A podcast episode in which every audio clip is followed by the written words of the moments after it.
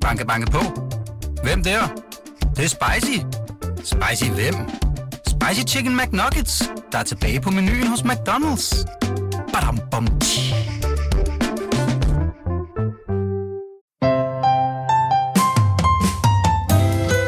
Jørgen Vester Livstil med Beate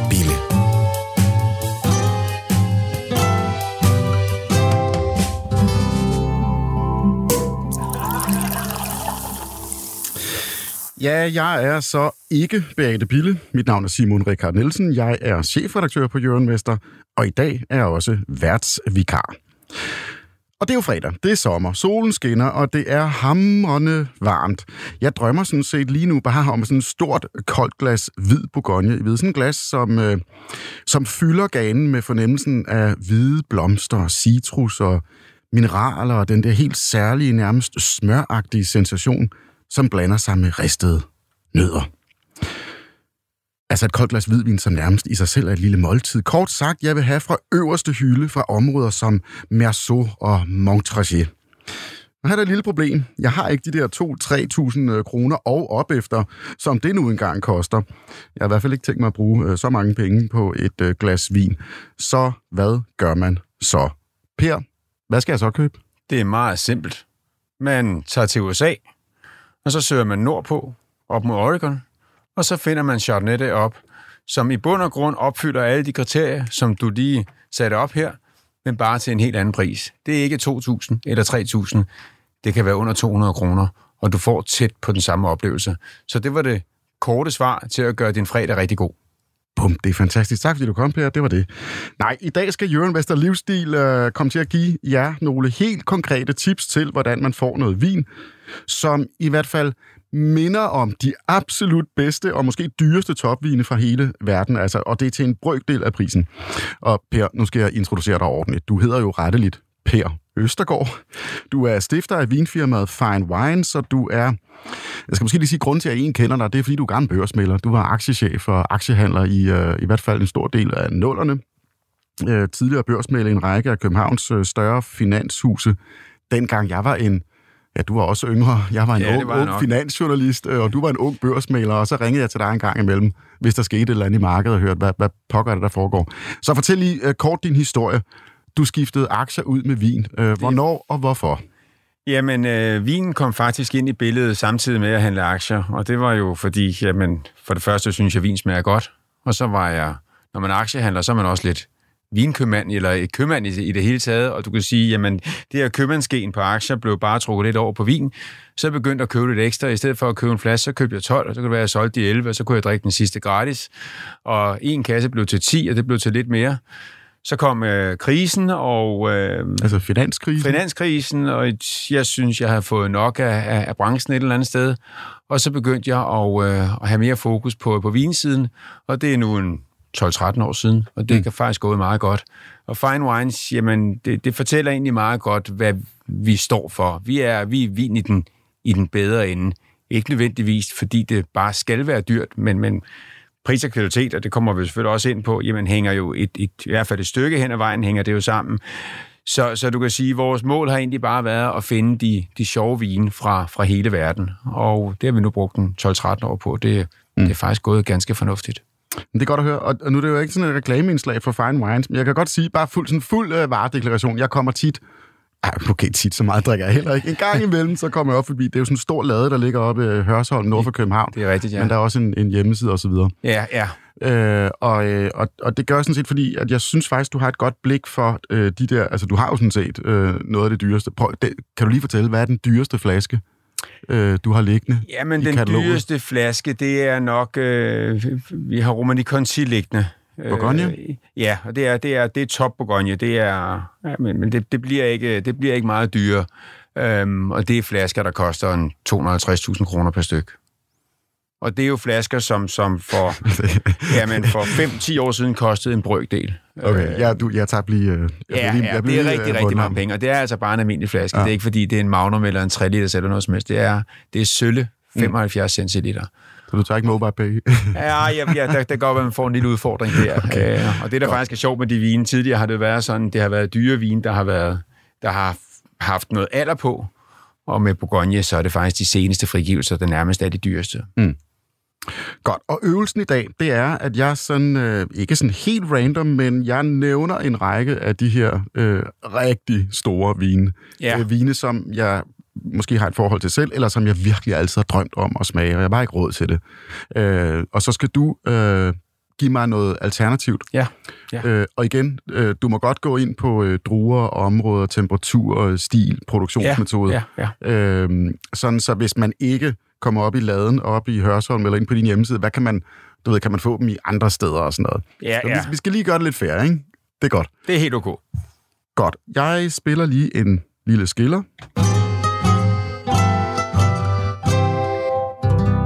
Og så går vi i gang. Herligt. Jørgen Vesters livsstils vintips. Okay, vi starter i uh, Bordeaux. Uh, der er jo den her klassementsordning, uh, det kan være, du skal... Er den tilbage fra 1855? 1855, det er Fra første rigtigt. til femte gry, og Ja. der er fem topvin i første gry. Det er fuldstændig Og rigtigt. øh, vi er på venstre side af Ja, af af floden. floden. Ja, lige nøjagtigt. Godt. Og øh, derfra den øverste hylde, altså fra de første gryvinene, der har jeg øh, øh, fundet frem til Chateau Monton Rothschild. Ja, det er jo et godt valg. Mhm. Mm-hmm. Øhm, og vi skal måske starte med et eller andet sted, at, at mange mennesker render rundt og, og, og har den opfattelse af, at Bordeaux er vanvittigt dyrt. Det er det slet ikke. Øhm, jeg vil nærmest gå så langt som at sige, korrigeret for inflation og andre spændende ting, som er oppe i tiden lige for øjeblikket, så tror jeg nærmest aldrig, at Bordeaux har været billigere. Øhm, så i bund og grund, hvis nu du har pengene til en mouton, så køb din mouton og få den Så, oplevelse. så der, der skal jeg slet ikke have et alternativ. Jo, det skal du selvfølgelig, fordi du kan sige, jamen selvom de har haft det svært prismæssigt, så kommer det også oven på, på en periode, hvor at de havde det rigtig, rigtig godt. Og, og, og du kan sige, nu siger du Mouton, og jeg synes, det er fair at gå tilbage til årgang 2009 og 2010, hvor der virkelig skete noget med priserne. Øhm, for at sætte det lidt i kontekst, så kan man sige, et andet første kryhus, Lafitte Rothschild, mm-hmm hvis du havde købt det entrepreneur, det vil sige det her, hvor man køber vin, før den i bund og grund er frigivet, det er sådan et, et, et levn fra gamle dage, hvor man kunne være med til at finansiere produktionen af, af vin på de store huse, som ikke nødvendigvis havde det kapitalberedskab, som de har i dag. Men var du med til at købe vinen entrepreneur, så fik du det til en lidt billigere pris, end det, der skulle være markedsprisen. Det kunne være en rabat på 10, 15, 20 procent. Men købte du din Lafite 2008, og det var så i 2009, når du så fik den hjem fysisk, altså et år efter igen, så var den 10-doblet. Prisen på Lafitte 08 var 10-doblet på blot 12 måneder. Ej, så, så vil jeg alligevel gerne have et alternativ. Så får du et alternativ, men, men, men det, der så sker, det er netop, at så kommer 9 og 10, og så bliver husene grådige, og det er faktisk nøjagtigt derfra, at det begynder at gå galt. Ah, okay. Så, så du kan sige, ham, der købte Lafitte 2010, står i dag 12 år efter og har tabt 50 procent af dine penge. Okay. Ja, det, og det er, ikke, det er jo ikke den opfattelse, folk de har. Så du kan sige, i bund og grund er der ikke noget galt i den pris, der er på en Mouton, eller en Lafitte, eller en Margaux, nogle af de her klassiske første kryhus på nogle måder. Det er i bund og grund, vil jeg sige, det er en anstændig til en attraktiv pris. Mm. Det gør den jo ikke billig i absolute termer. For den koster stadigvæk alt mellem 3.500 og 5.000 kroner, når de bliver, når de bliver frigivet. Mouton er bygget på Cabernet. Så vi skal jo finde et alternativ, som også er bygget på, på Bare lidt, et lille spørgsmål. Altså, alle de her øh, gryvine Ja. øh, på venstre side af floden, er de ikke alle sammen øh, Cabernet? De, de, jo, de er Cabernet-baserede, du Ja. ja. kan sige, at der kan jo sagtens være nogle restdruer i. Og så Men lidt er ikke- og lidt Cabernet Ja, Franc? ja, og... lige nøjagtigt. Jamen, der kan være mange ting i. Der Men, kan være mange ting i. Okay, så i stedet altså, øh, så, så øh, det er den der klassiske Bordeaux blend. Lige nøjagtigt. Og du kan sige, Cabernet-andelen, den kan jo så gå fra 100, og så kan den gå nedad. Så du kan sige, i bund og grund skal vi jo bare finde Cabernet-vin. Og jeg vil sige, jamen der, hvor vi i hvert fald kan se, at, at, at folk de har søgt hen øh, i den her periode, jamen det er til USA. Øhm, og og, og når, vi, når vi taler Cabernet, så er det let at tale Napa. Øhm, og, og jeg vil sige, jamen prismæssigt, så er der også nogle Napa-vin, der er gået fuldstændig amok. Dem, dem kommer vi lige tilbage til. Det er godt, så et eller andet sted. Men jeg vil sige, det du kan finde i, i Napa, det er, at vine til 300-500 kroner, jeg siger ikke, det er den samme oplevelse, som du vil få med en mouton Fordi igen, når du, når du køber en mouton, og du åbner den, så er det hele pakken. Det er historien, det er udstyret af det her. Og det er ikke nødvendigvis ens betydende, men du får det samme, hvis du køber en Napa Cabernet. Men smagsmæssigt, tilgængelighedsmæssigt, stilmæssigt, jamen der er der altså alternativer til en tiende del. Øhm, og jeg ved jo, du er selv glad for en Cliff Lady. Og han ligger i Stack Sleep. Mm-hmm. Øhm, og han har jo blends. Har, har du været og kigge på min købshistorik? inden Ja, du- jeg, jeg, jeg, jeg, jeg kan huske, okay. den har vi i hvert fald snakket nogle gange om, og det er jo så også en af mine egne favoritter, så det kan være, det var derfor, den lige poppede op. Men han har jo vin, der ligger i det der prisleje, lad os sige 300-600 kroner, som giver nøjagtigt den samme oplevelse. Mm. Så kan der være noget med finesse, så kan der være noget med nuancer, og der kan også godt være noget med potentiale, kan den holde i 20, 30, 40, 50 år. Men i bund og grund, hvis du siger, jamen jeg vil godt have min mouton i lidt discounted udgave, så vil jeg helt klart søge til Napa. Og, og, og nu nævnte jeg, jeg, jeg nævnte selv uh, Mouton Gautier, men det kunne lige så godt være en Lafite, eller en Chateau Palmera i tredje gry, eller... Det kunne det sagtens være, det kunne det sagtens være. Men man skal bare huske på et eller andet sted, de her vine er altså ikke så dyre, som vi render rundt og umiddelbart vil mene, de er. De er... øh, Altså Bordeaux. Ja, Altså relativt til, hvad der ellers er sket Ja, på resten af vinmarkedet. Fordi vi taler vel stadigvæk om, jamen, altså vi, en, en, en Lafite, hvad, hvad, hvad koster ja, men den? det er en øh? 4-5.000 kroner. Ja, Vi- Det, okay. det, det er de laveste priser, og så kører vi op af. Og det er også derfor, at, med al respekt, det, det er jo ikke fordi, jeg siger, at det er blevet billige vin. Men relativt set til, hvad der er sket i vinmarkedet generelt, jamen, så er der en del af vinmarkedet, som har haft det fantastisk de sidste... Ja, corona har, corona har været helt exceptionelt for, for, for nogle af områderne, men hvis vi bare kigger, lad os sige, 5, 7, 9 år tilbage, så er der nogle områder, som har haft det helt fantastisk, og der er så, så er der altså andre områder, og der er Bordeaux en af dem, de har det svært. Mm. Det er der slet ingen tvivl om, og man kan sige, det der set fra vores side af, det vi, det vi kan mærke, det er, at, at for det første er vores, vores afsætninger på do er signifikant lavere end for 10 år siden. Altså, det er natterdag. og. Øhm, og jeg, jeg tror, en væsentlig del af forklaringen, det er, at, at vi har ikke nødvendigvis vinkældre i dag. Det havde vi jo, hvis, hvis du og jeg skulle gå op i vin for 20 år siden, jamen, så skulle vi have en vinkælder, så kunne man gå derned, og kunne man gå og hygge sig og vende og dreje og kigge lidt på tingene et eller andet sted. I dag har du et vinskab, og hvis du giver den gas, har du to. Og hvis du giver den rigtig meget gas, så har du tre eller fem vinskab. Og det vil sige, at din, din beholdning, den er alt andet lige blevet mindre. Og det gør så også, at du kan sige, at vi får en højere churn, og det vil sige, at vi skal have vin, der er mere tilgængelig hurtigere. Mm. Det er Bordeaux ikke. Bordeaux skal i bund og grund have tid, mm. før de kan vise deres, deres fulde potentiale. Men hvis man i sit lokale supermarked ikke kan finde Cliff Lady, for det kan man øh, Nej. sådan set ikke. Og det er Nej. den her, vi, øh, som, som Per nævnte, altså fra Napa Valley. Øh, og det er Cliff, og så staves det L-E-D-E. Ja, Jeg tror ja. altid, det var Cliff Lead. Ja, Men- men, men, han er fra Canada, og det hedder Okay. okay. Cliff Lady. Men det er fuldstændig rigtigt, det er L-E-D-E. Godt. Cliff Lede. Men, men, men bare lige for at gøre det lidt generisk, altså, Ja. så, så, så vi er ude efter, øh, efter Napa Valley, øh, Ja. kalifornisk vin, Ja. øh, ikke nødvendigvis 100% Cabernet Sauvignon, Nej, det må nej. gerne være en blend. Jamen det, og, og, det og hvad er det, det hedder, den der Bordeaux blend? i- Claret. Claret. Ja, Altså, men det, det er en fordel. For du vi, kan, det er jo lyd, det her, så vi tager den lige C-L-A-R-E-T, det er fuldstændig rigtigt. øh, Claret. Ja, ja. Og, og Claret, øh, det svarer vel til det, man i Italien vil kalde en super Toscana. Ja, ja. Det er du også Bordeaux blend, bare det er også- fra Toscana. Fuldstændig Er rigtigt. der noget der, du kan pege på, som prismæssigt minder om 3-4-500 kroner, og som smager som en stor Bordeaux? Jeg vil sige, hvis man er... øh, Hvis man er rigtig dygtig til at finde noget Tignanello, Aha. jeg, jeg tror ikke, vi er helt nede i det prisinterval. Vi er måske en lille smule over. Det er et skønt glas. Men der er vi da vist noget 7 8 900 Ja, men det er også derfor, jeg siger det. Det kan godt, Ah, være, okay. det kan godt være, at rammer øh, højre side af det prisinterval, som vi, som vi taler om her, plus måske 100 eller 200 kroner. Ikke? Fordi den er også blevet dyrere. Men, men, men den har igen de her karakteristika et eller andet sted, som, som, som gør, at folk de, de køber deres Tignanello, og de drikker deres Tignanello. Godt. Vi, skal lige, vi bliver i Bordeaux. Ja. Vi skal over på den anden side af floden. Der ligger to små områder, der hedder henholdsvis Pomerol og øh, Saint-Emilion.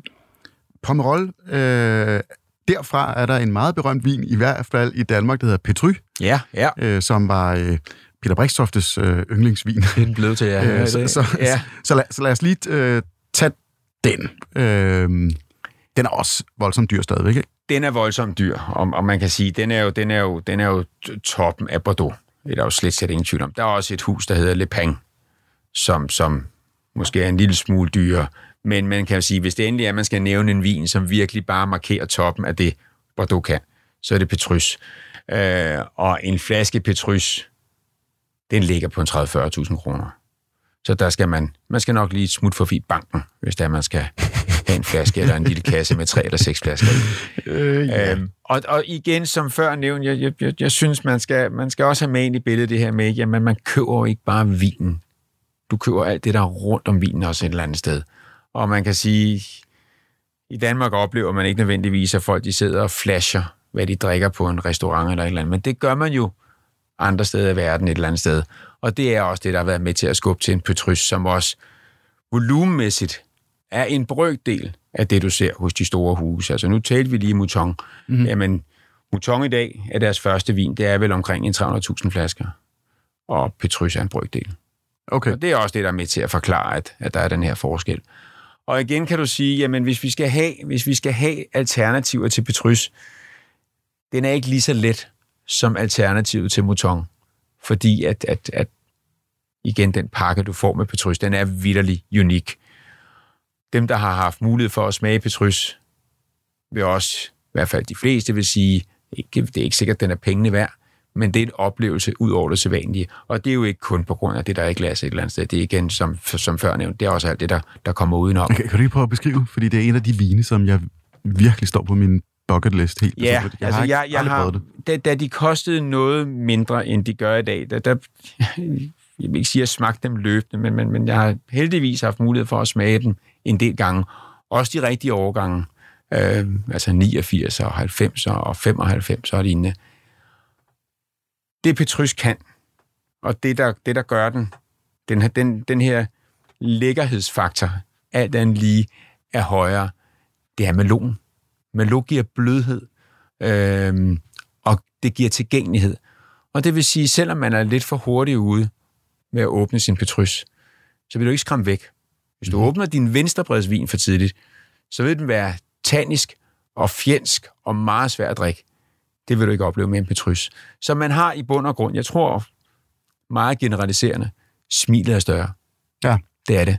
Og det der med malon, øh, og du siger, at den er meget mere venlig og, Ja, og, tilgængelig jamen- med det samme. Er Ja. det også derfor, at der har været sådan, i hvert fald historisk, har der været et eller andet med, med, med danskere og Saint Emilion, altså nabokommunen til øh, Pomerol? Ja, altså, altså du, du, du kan sige, jamen, men, men Eller er Pomerol- det lang tid siden, jeg Ja, ja, men, men igen, vi, vi, vi, vi er et stykke tid tilbage et eller andet sted, men der er jo ingen tvivl om, at du kan sige, igen, dem der, dem, der i bund og grund fik taget deres vin lidt for tidligt, jamen de vil venstrebredsmæssigt være skræmt lidt væk. Og tager de sådan Saint Emilion, som du siger, jamen så vil de ikke have den samme oplevelse. Så det kan sagtens være en del af forklaringen. Mm. Jeg vil sige, at Saint Emilion hører desværre også med til, til, til den del af, af Bordeaux, som er svær at sælge lige for øjeblikket. Bordeaux er ikke let, og det er, øh, det er meget generelt. Mm. Så, men, men, men du kan sige, nu er vi røget på højre siden, og, og igen, vi har, vi har Malot, og vi har, vi har Cabernet Franc. Øhm, og jeg vil sige et eller andet sted, jamen, men USA har også Malot. Mhm. Øhm, vi havde en lille film, Sideways, Mhm. som desværre ikke gjorde livet lettere for Malot. øhm, og det kan man, som du gør nu, det kan man vælge at grine af. Øh, Ja, det var også en af mine yndlingsfilm. Har Og, ja, og, og, og, men, men, men, men, men jeg, jeg jo også grine af det, men, men den har haft vanvittige konsekvenser. Mm. Altså, øh, der, der er et hus som, som Schaefer øh, fra USA, som, som havde en Malovin indtil for fire år siden. Den hedder i dag til det 9. Mm. Og hvad er der i vinen? Der er Malo. Aha. Så den film har vidderligt bare gjort forfærdeligt ondt på den drue. Til gengæld har den gjort utrolig meget godt for øh, amerikansk øh, vinproduktion i det hele taget. Det har, det har du ret i, og den har Øh, gjort rigtig meget godt for Pinot et eller andet sted. Ja, ja, ja. ja. ja. Jamen, jeg tror, jeg tror du, du henviser til, der er en scene, hvor øh, der, øh, en af hovedrollerne, øh, der er spillet af Paul Giamatti, ham der den øh, lidt uheldige, øh, uhjælpsomme, øh, triste, depressive øh, mand, øh, som går meget op i vinen. Han udtrykker sig, I don't drink fucking Merlot. Lige nøjagtigt. Men der er jo en indbygget øh, lille joke i det, fordi øh, til allersidst, øh, så øh, øh, åbner han så den vin, han har gemt øh, hele sit liv, en Cheval Blanc fra ja, ja, 1961, ja. øhm, og hælder den ned i øh, plastikkrus og drikker den af sugerør, fordi han ja. er så elendig til mode. men, men, øh, men, men det Cheval Blanc, øh, også fra Saint Emilion, Ja, ja, som jo har meget Malot i sig. ja, ja. Øh, men, men du siger simpelthen, altså Malot kan du ikke genskabe på, altså Malot på øh, Bordeaux, Pomerol, Petrus-måden. Der kan du, ikke, der, du kan ikke genskabe den der. Ja, ja, ja, ja, ja, jeg synes i hvert fald ikke, at jeg lige nøjagtigt har en vin, jeg bare lige vil fremhæve og sige, så er det den, du går ombord i, og det er man, man kan sige, nu, snakker vi også Cheval Blanc, vi snakker Petrus, vi, vi, vi, vi, vi er på øverste hylde, og jeg synes, det er meget unikke vin. Øh, og igen, der er, der er masser af Malo, der er også masser af Malo i Italien, som man kunne kaste over til helt andre priser. Ja. Jeg synes ikke nødvendigvis, du, du, du helt får alternativ, som er så, som er så oplagt. Mm. Øhm, Altså, jeg synes også, når man får bare sådan 100% ren øh, Malo fra Napa, eller Ja, sted, ja, ja. det er noget kedeligt.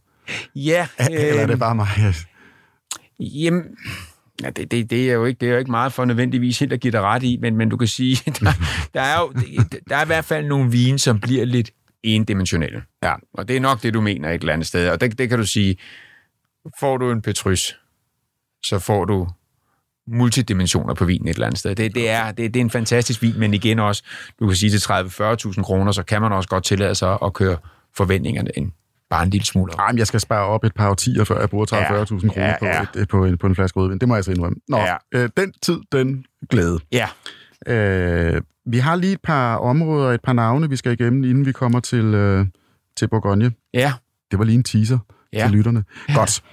Øh, så lad os tage til øh, Spanien. Nu Ja. bliver det sådan semidansk. Øh, vinmageren Peter Sisek har jo... Øh, øh, han går for at have ændret sådan, den, den danske... Eller undskyld, den sådan, spanske øh, vinkultur. og Virkelig fået sat Spanien på, på landkortet, øh, på verdenskortet. ja, Og vi taler selvfølgelig om Pingus. Ja. Pingus, som står i... Ja, hvad er den op på nu? Jamen, men du kan sige, køber du, køber du øh, Pingus på de her imprimør-lignende vilkår, som vi talte om før med Bordeaux, så taler vi vel 5.500-6.000 kroner. Mhm. Markedsprismæssigt, så er den selvfølgelig påvirket af, hvad anmelderne siger. Mm-hmm. Er man heldig at købe en årgang, der får de her perfekte 100 point, så glider den hurtigt op i en 8-10.000 kroner. Ja, så skal jeg have et alternativ allerede der. Ja, Hvad skal jeg så drikke? Jamen, jeg synes et eller andet sted, nu, nu, nu kan man sige, hvis vi taler Pingus, Pingus, altså hans, hans største vin, fordi i, i det, under det, den label eller det brand har han jo også nogle andre vine, som er lidt mere human prissat et eller andet sted. Men bare tag- tage dem der. Florte Pingus. det der er Florida Pingus, og så er der Sig. Ja. Øh, når vi kører nedad. Og, og man kan sige, jamen taler vi hans første vin, og vi skal have et alternativ til den, så, så synes jeg faktisk, at alternativet, det er, det, det er rimelig let, og det er Vega Sicilia. Øhm, Vega Sicilia var der længe før Peter Sisek, og det er fuldstændig rigtigt. Han har gjort ufattelig meget for spansk vin.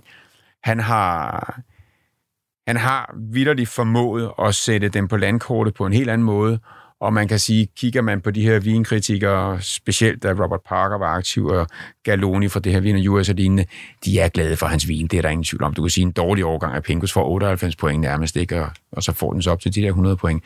Men jeg vil sige, Vega Sicilia, det er også fantastiske vin, og de koster altså ikke de her 8-10.000 kroner. Øh, de har en, en Unico, øh, som ligger alt mellem 2.500 og 3.000 kroner. Øhm, og de har faktisk også nogle, nogle mindre vine, en Valbuliena, som koster det halve af det, omkring 1.000 til 1.200 kroner. Og jeg vil sige, specielt med en Unico, der har min egen oplevelse været, den er uhyggeligt tæt på en Pingus. Nå. Øhm, det er, Og, og, og, hvad siger du? Er det Vega Cecilias? det er ja, du kan Eller sige, nej, det, det er faktisk deres første vin. De har Nå, også okay. en speciel, hvor de blander Okay, tre bevares. årgange, så du kan sige, de har faktisk to vine, som ligger i toppen. Og den koster hvad, siger du? Ja, men koster, du kan sige, Unicon koster en 2.500 til 3.000 kroner. Ah, men det er stadigvæk deroppe. Jamen, det er- det er dejligt. Det er meget billigere. Det er Så- rigtigt, det er rigtigt. Godt. Så, så kører vi længere ned. Så tager vi en Valbuliena. Ja. Ja. Der taler vi 1.000 til 1.200. Og det er mere for, kan sige et eller andet sted, så, vi, så, nær, så nærmer vi os noget, der hedder en tiende del. Mhm. Mm-hmm. Så får du mig ikke længere ned nu. øhm, der, der får du, du, du, du, får, du får dybde, og du får bredde i vinen. Mhm. Mm-hmm. Øh, du, du får virkelig en vin, som kan udfordre dig lidt, hvor du kan virkelig sidde og fordybe dig i nuancer. Mm. Og det er jo derfor, man betaler 8-10.000 kroner for en Pingus. Det er jo, fordi man vil have den her sådan kompleksitet et eller andet sted. Den kommer selvfølgelig endnu mere, når, når vinen foralder et eller andet sted. Men jeg vil sige, med en Valbuliena, jamen så får vi, så får vi Pingus-rejsen til en tiende del af prisen. Jeg skal bare lige, jeg skal bare lige, jeg jeg ikke lige hørt ordentligt efter, men du, du siger, hvad hedder den? Val, Valbuliena. Valbuliena. Ja, ja, ja. Og ja. er, er det også... ah, er, ja, men det er også Vega Sicilia. Okay. Ja, det er det. Godt. Det er det. Men Og det område, vi taler om, det er kun Ribera del Ja, Duero, ja, ja. og druen, det er Tempranillo, Fuldstændig rigtigt. 100 procent. Ja, ja. Så hvis jeg går ned i supermarkedet, ja, jeg kan også gå ind på din hjemmeside. ja dem, kan, dem kan du finde mange steder. Jamen, det er jeg mener. Ja. Øh, så, så, så hvis man bruger, lad os bare sige 2, 3, 400 kroner på en Ribera del Duero Tempranillo, altså hvor langt er vi fra... Jamen, vi, vi, er, vi er langt fra det. Det, Okay. det, det bliver man nødt til at acceptere. Men, men det er det, man skal... Altså, Jamen, det kommer an på, hvad, hvad, hvad det er, man ønsker et eller andet sted. Du kan sige, hvis du, hvis du, hvis du ønsker at, at, at få din, din Pingus-oplevelse lidt i en discounted form, ja. så nytter det ikke noget, du går i 200 kroner. For så, så, så får du ikke det der. Så får du ikke den oplevelse. Det Men synes hans jeg bare... egen vin, den hedder Sig. Hvor langt væk er vi fra det? Fordi Ej, den kan du ja, ja, nogle gange ja. få til slagtilbud for 300 kroner flasken. Ja. Du er ikke meget for det her. Nej, men, men, men jo, jeg skal jo ikke stå og sige, at ikke er et godt glas vin. Selvfølgelig er det det. Mm. Øhm, jamen, så, så tror jeg faktisk, så vil jeg... Hvis vi så må gå in between et eller andet sted, Ja. kan vi så ikke gå op i en flotte pingus? Jo. Ja. Og det er måske 7-750 kroner. Nå, okay, jeg troede, den var sådan noget 12, 13, 1400. Ja, men det er der også nogen, der godt vil have for den. Det, det, Okay. det burde ikke være prisen. Okay. Det, det skal være en 750 kroner. Der, der, får, der får du den her oplevelse. Godt. Det jeg tror ikke, der er nogen af lytterne, der er i tvivl om, at du er en gudsbenået købmand. Aktier, vine, det bliver solgt. Alt sammen. Godt. Tak for løbet, Per. Øh, Vi er ikke færdige nu. Nej. Har du mod på et par stykker mere? Ja, jeg kan du bande på. Godt. Øhm, fordi, du var selv inde på det. Øh, Napa Valley øh, har jo i sig selv øh, slået sig fast som, øh, som et, et vinområde, som producerer fantastiske vine. Og jeg, jeg, jeg har ikke smagt dem, så jeg, jeg kan bare konstatere, at det er meget, meget dyre vine. Ja, Nu nævner jeg bare lige flæng. ja, Screaming Eagle, Eagle øh, Schaefer, som du selv var inde på, ja, ja, Harland, ja, ja. øh, Opus One, Ja. som er faktisk er den eneste, som jeg selv har smagt, og det Ja. ja. virkelig var lækkert. ja. Øh, men, men, men hvad gør man, når man har, øh, og jeg går ud fra, at vi er ude i noget Bordeaux-agtigt her, det er jo ikke Pinot Noir, de her, eller det, Det- laver de sikkert også, men deres topvine, Ja, deres men flagship, Opus er jo kun Cabernet. Harland Ja, er kun Cabernet. Ja. Øh, Screaming, i hvert fald på den, på den røde side, kan du sige, det er også Cabernet. Så har de jo også en Sauvignon Blanc. ja, øh, så vinpoeng, der, er- så er det jo nogle huse, nu vil vi lave 4-5 stykker her, som, øh, som, som gør det bedste, som Bordeaux har gjort i århundreder, Ja, som så øh, faktisk producerer noget, som er bedre end det, Bordeaux kan. Så hvad, hvad gør det... man så? Hvad er alternativet til, til det? Er det bare at finde noget billigere i Napa Valley, eller? det man, det, man skal, det, men... ja, det, man skal forstå ved, ved, ved Napa, det er, at, at umiddelbart tror vi jo, at vinproduktion i USA, sådan helt generelt, er meget store volumener. Det er det ikke. Napa er i bund og grund Bourgogne-volumener. Øhm, og det er desværre også det, der så har haft den her lidt, lidt, lidt, lidt, lidt kedelige sidegevinst, eller hvad man skal kalde det, det er, at priserne har også fået lidt, lidt fart på, for at sige det pænt. Napa er blevet, det er blevet dyrt. Det er der slet ingen tvivl om. Det, man skal være opmærksom på, det er, at det er, det er nogle af de meget store huse, som er blevet vanvittigt dyre de sidste 5-10 år. Der er stadigvæk en underskov af huse i, øh, i, øh, i Napa og omegn, som laver vin, der er, der er til at betale, og som stadigvæk udtrykker det her. Jeg elsker at bruge det her udtryk, der hedder den glade vin. Altså vin, der bare smager godt. Vin, uden det må lyde forkert, men hvor man har lyst til at tage et, et glas mere. Og det kendetegner meget Napa-området som, som helhed et eller andet sted. Man, man kan sige, en, en del af forklaringen, men det, det, er de, det er de værmæssige forhold. Selvfølgelig kæmper de, øh, de kæmper med vand. Det kunne de godt bruge noget mere af. Men når det er sagt, så kan du sige, når du skriver den 1. april i kalenderen i Napa, og indtil den 1. oktober, så får du ingen vand. Du får ingen frost. Du har en stabil, sikker sæson. Og det vil sige, der er ikke, der er ikke stress i marken, der er ikke stress i produktionen eller noget som helst. Og det kommer bare til udtryk et eller andet sted. Jamen, så laver man altså vin, som, som bare fungerer. Så man kan sige, jamen de, de vin, du nævner her, en, en, en Screaming Eagle, jamen der er vi jo i, der er vi jo i Petrus-niveau. Øh, det er jo en 30-40.000 kroner. Øh, du nævner en Schaefer, og, Schaefer laver flere forskellige vin. Øh, den, det vil være færre at proppe ind her, det er en Hillside Select. Øh, den koster 3-3.500. Så nævner du en Harlan. Den koster 12.500. Mhm. Og så nævner du en Opus. Den koster 3-3.500. Og du kan sige, at de her prispunkter, de viser jo med al tydelighed, der er nogen, der har haft rigtig meget fart på. Fordi en Opus er faktisk ikke blevet særlig meget dyrere, end den var for fem år siden. Men det skal jeg hilse at sige, en Screaming Eagle er. Og specielt en Harlan er også blevet meget dyrere. Så der er bare den her, der er en efterspørgsel desværre på de forkerte huse, fordi der er ikke særlig meget vin at, at, at gøre godt med. Og så kan man sige, første side i lærebøgerne for Handelshøjskolen, det var det her forbandede kryds, og det medfører bare, at priserne de kører op.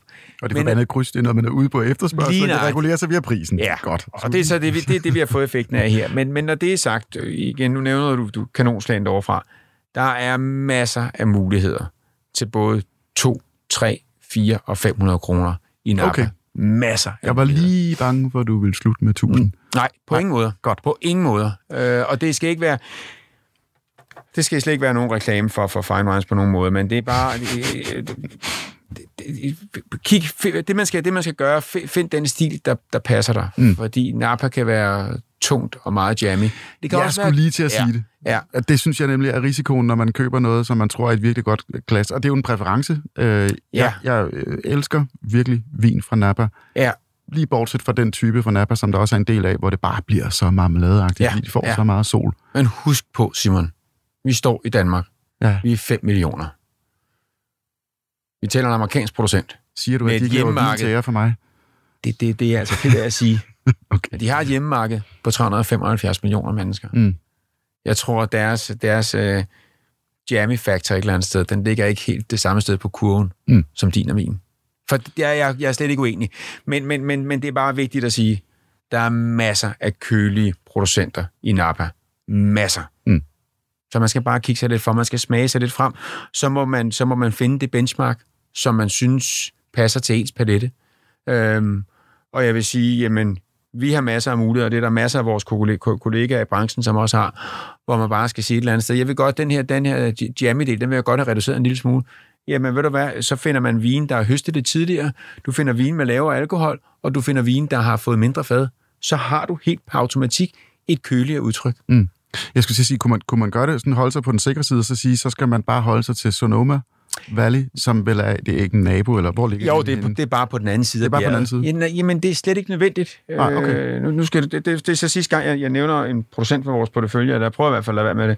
Vi har en producent, du der må, hedder jo, det er et frit land, du må gerne. Godt. Vi, vi har en producent, der hedder, der hedder Bueller. Øhm, og jeg vil våge den påstand. Rigtig mange mennesker, hvis de får den blindt, så siger de ikke Napa, så siger de Bordeaux. Og de laver vin fra 200 kroner og op efter. Mhm. Rigtig, rigtig gode vine. For, for ham, der vil have det klassiske udtryk for Kalifornien, han vil sikkert sige, ah, hold op, der mangler alkohol, der mangler fad, der mangler fedme, der mangler alt det, jeg i bund og grund køber USA for. Så du kan sige, han vil blive, brutalt sagt, lidt skuffet. Men ham, der godt vil have den her, i bund og grund godt vil have Bordeaux med tilgængelighed, han vil føle sig rigtig, rigtig godt tilpas her. Og det vil han allerede ved 200 kroner. Mm. Og Bueller er kun, det er kun et navn. Der er masser af andre producenter. Der er masser af andre. Der er masser af andre. Der er masser. Og, og jeg har bemærket både hos Menu og Mad og Vin, og hvor jeg, altså, det er som om udvalget af, af, af Napa Valley øh, stiger og stiger. Jamen, det går amok. Ja. Ja. Det går fuldstændig amok. Alright. Det gør det. Så man kan sige et eller andet sted. Nu, har, nu får vi desværre lige en kunstpause.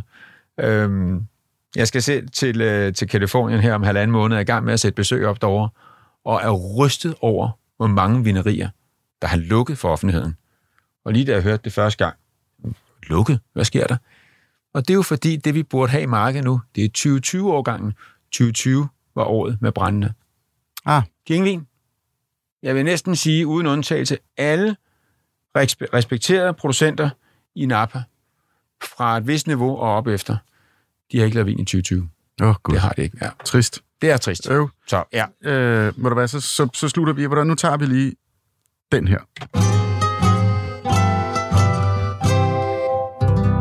Og så skal vi til det. Bourgogne. au.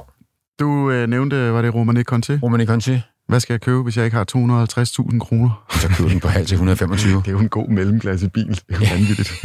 Det er vanvittigt. Det er Ja. helt vanvittigt. På den anden side, det er fredag. Det er fredag, Ja. men det skal godt nok være en lang fredag, Men- men alligevel. forsvare den der. Der er mange alternativer. Mhm. Der er selvfølgelig alternativer i Bourgogne. Øhm, når det er sagt, så kan man sige, jamen, hvis der er noget, der har oplevet en hype, så er det druen Pinot Noir. Det er den, man bruger på de røde vin i Bourgogne. Og det er 100 procent. Det er 100 procent Pinot Noir. Okay. Det er det. Øhm, så jeg vil sige, hvis vi skal generalisere, og meget forsimplet, sikkert også lidt for forsimplet, så findes der ikke value i Bourgogne.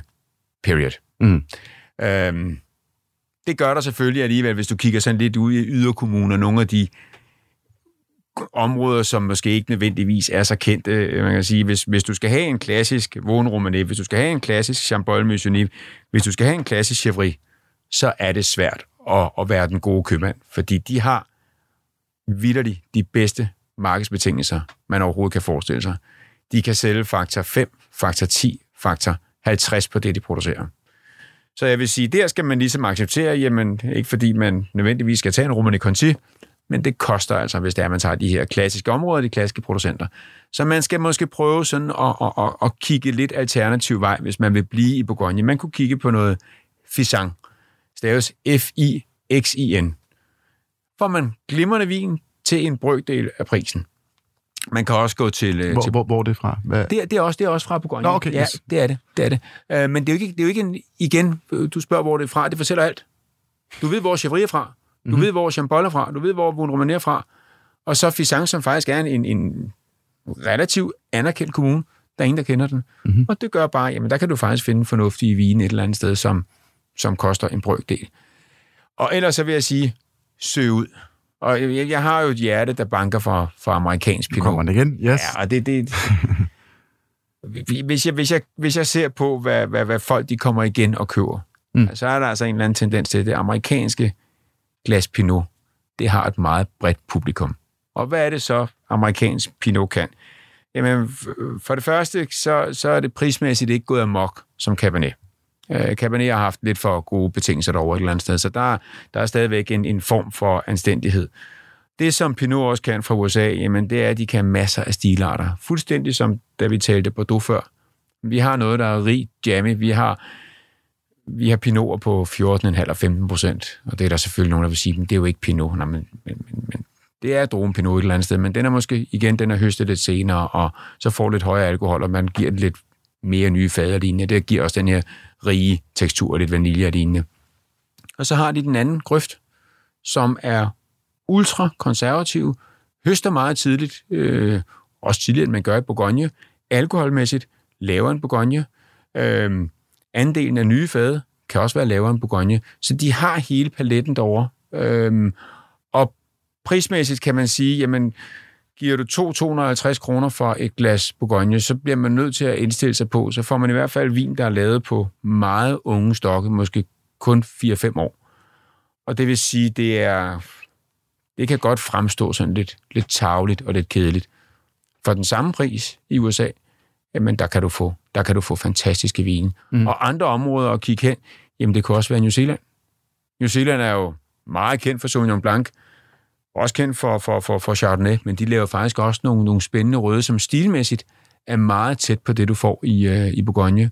Øhm, der er også nogen, der har søgt til Chile. Jeg er ikke særlig stærk på Chile, men, men der er helt klart også nogle muligheder derovre. Der har du så måske lige lidt issue med hensyn til temperaturen og lignende. De kan godt virke, lidt, lidt varme og lidt koldt en gang imellem. Ja. Men, men man kan sige, skal vi tage et område vinmæssigt, globalt set, som har haft mest fart på, så er der slet, slet ingen tvivl om. Det er Bourgogne. Det er Bourgogne. Ja, det er det. Og og det, det, var nogle, det var nogle gode fif, du gav der. Altså, hold øje med etiketten. Pinot Noir, Ja, New Zealand, New Zealand. Oregon. Jamen, or, jamen Oregon også, jamen det er også køligt. Ja, Og, og jeg vil sige, jamen, men, men, ja, Oregon er per, defi- per definition køligt. Søger du til Kalifornien, der skal du bare være opmærksom på, der, der, der får du begge udtryk. Ja. Så der bliver man nødt til at prøve sig en lille smule frem. Jamen, men, men, men gå til Tyskland. Altså, spætburgunder ja. i Tyskland, det er... ja det er jo pragtfuldt. Undskyld, det er jo den der du, kolde... du, kommer... Jamen, jeg vil næsten sige, du kommer langt fra 100-150 kroner. Ja. Det gør man. Okay, Så jeg vil nu, sige... nu begynder det at ligne Nu noget. begynder det at ligne Ja, noget tak. ligneagtigt. Godt. Ja. Øhm, og, og, og der vil jeg sige, men, men, men, men der er også forskellige Mm. stilarter et eller andet sted. Der, der er også nogle, der er lidt mørke udtryk, har, har lidt mere krop. Hvor- hvor- Hvordan er de der, de der de helt store Bourgogner, som du har nævnt en masse navne på? Ja. Øh, hvilke, hvilken stilart er de egentlig? Er det den der lidt, lidt, lidt fattige, tørre, koldt øh, klima, eller er de fuldblods Ej, de, de er ikke fuldt? Nej, nej. okay. Helt, helt generelt kan man sige, det der, det der kendetegner øh, top 10 producenterne i, øh, i Bourgogne, det er, det er finesse, det er mm. balance, det er feminitet. Det er, det er virkelig, det er, de, det er de lyse bær, det er de lyse toner, vi har et eller andet sted.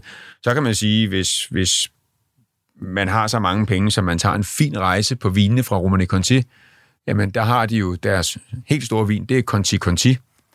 Det er en vin, som man kan sige, Pinot kan man typisk tage ung et eller andet sted, uden at komme galt af sted. Har man Conti Conti liggende i kælderen, så vent lidt. Den, den, den, må, den må godt lige få lidt over på banen, fordi den, den, den har en struktur, der bare gavner, at den får lov til at ligge en lille smule. Men går vi nu til nummer to i hierarkiet, så går vi ned i den vin, der hedder Latash. Og det er her, du kommer på banen, Simon, fordi der er, det er en 40-50.000 kroner for en flaske, så nu begynder det at ligne noget. Ja, der kan vi godt være med. Der kan vi godt være. Søren, da. ja, men, men, men, men jeg, jeg, jeg, jeg, det er stadigvæk vanvittigt mange penge. Ja, Øh, tak det, er der slet ingen, det er der slet ingen tvivl om. Men, men, men jeg vil sige, en Latache, jamen, øh, den seneste frigivende, det er en, det er en 2019. Mm. Den kan du drikke i aften. Ja. Jeg siger ikke, at du får det fulde udbytte, øh, men det kommer jo igen også an på, hvad er det, du søger i vinen. Der er nogen, der godt kan lide friskhed og frugt, og så er der nogen, der godt kan lide de her sekundære toner, som jo så kommer med, med mm. et eller andet sted. Men du kan drikke din Latache i aften, Ja. selvom den lige er frigivet. Godt, det var en god gennemgang. Fordi jeg, jeg, jeg må indrømme personligt, jeg har det lidt svært med, øh, med Pinot Noir og Bourgogne.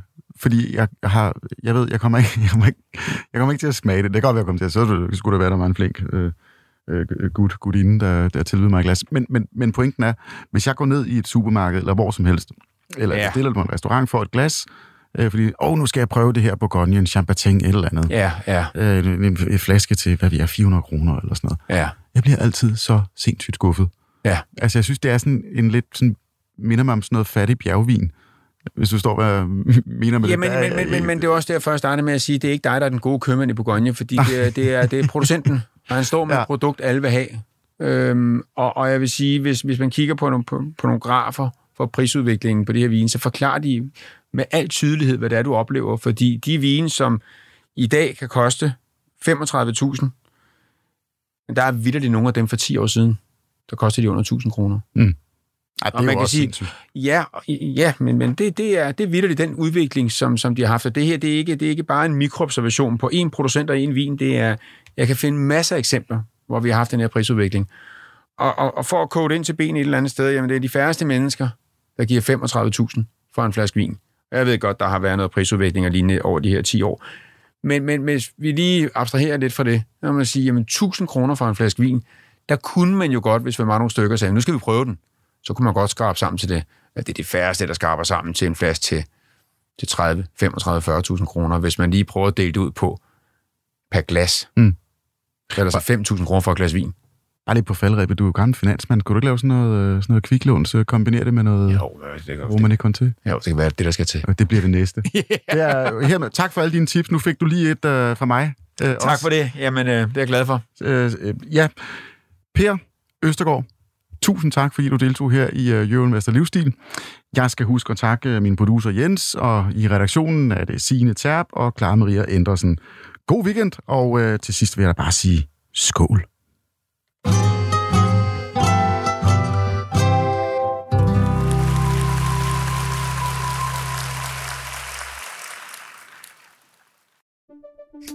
Banke, banke på. Hvem der? Det, det er spicy. Spicy hvem? Spicy Chicken McNuggets, der er tilbage på menuen hos McDonald's. Badum, bom, tji.